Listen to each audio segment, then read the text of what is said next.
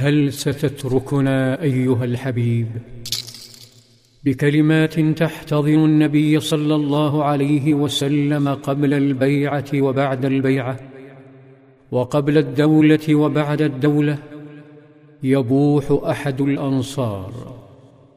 يبوح أبو الهيثم بن التيهان بمشاعر قادمة من أقصى القلب فيقول يا رسول الله إن بيننا وبين الرجال حبالا وإنا قاطعوها.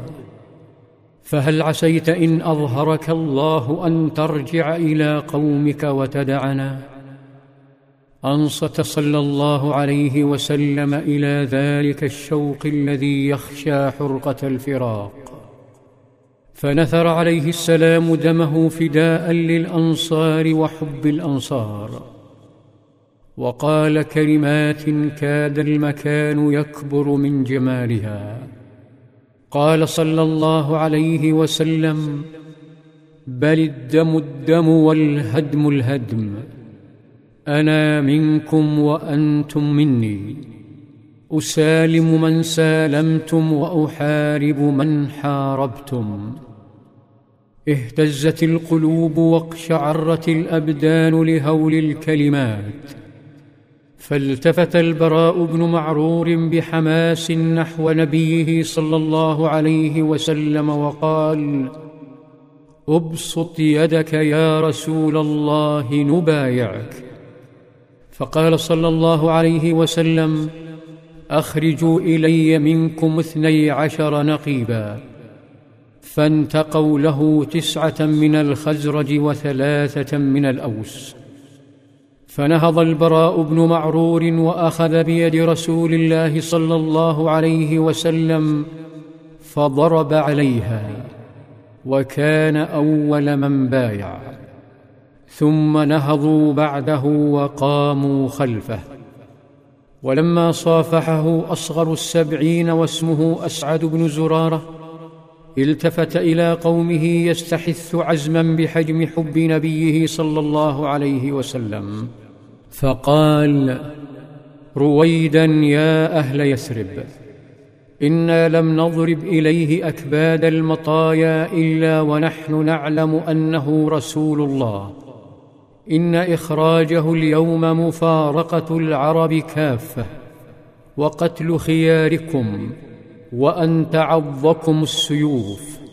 فإما أنتم قوم تصبرون على عض السيوف إذا مستكم وعلى قتل خياركم وعلى مفارقة العرب كافة فخذوه وأجركم على الله.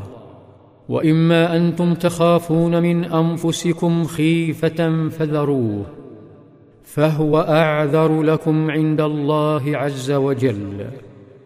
شعر الأنصار أن كلمات أسعد تبدد وقتهم فصاحوا به. أبعد يدك يا أسعد بن زرارة. فوالله لا نذر هذه البيعة ولا نستقيلها. ثم أكملوا بيعتهم رجلا رجلا.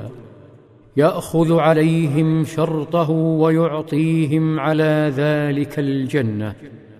الجنة أسمى الأهداف وأرقاها. ودونها تسهل المعاناة وتهون التضحيات. كانت تلك الأيدي وهي تتصافح تخنق مخلوقا مخيفا. مخلوقا كالليل لا يرى خفيا كالوسواس لا يسمع. أحرقته البيعة فنفد صبره وصرخ صرخة مزقت ستار الليل. وأيقظت النيام في منى. صرخ هذا المخلوق حين رأى لأول مرة شعبا يسافر ليبايع قائدا مضطهدا ليس منه. صرخ حين رأى محمدا صلى الله عليه وسلم يؤسس دولة دون إراقة دم أو إكراه. في ظلال السيرة.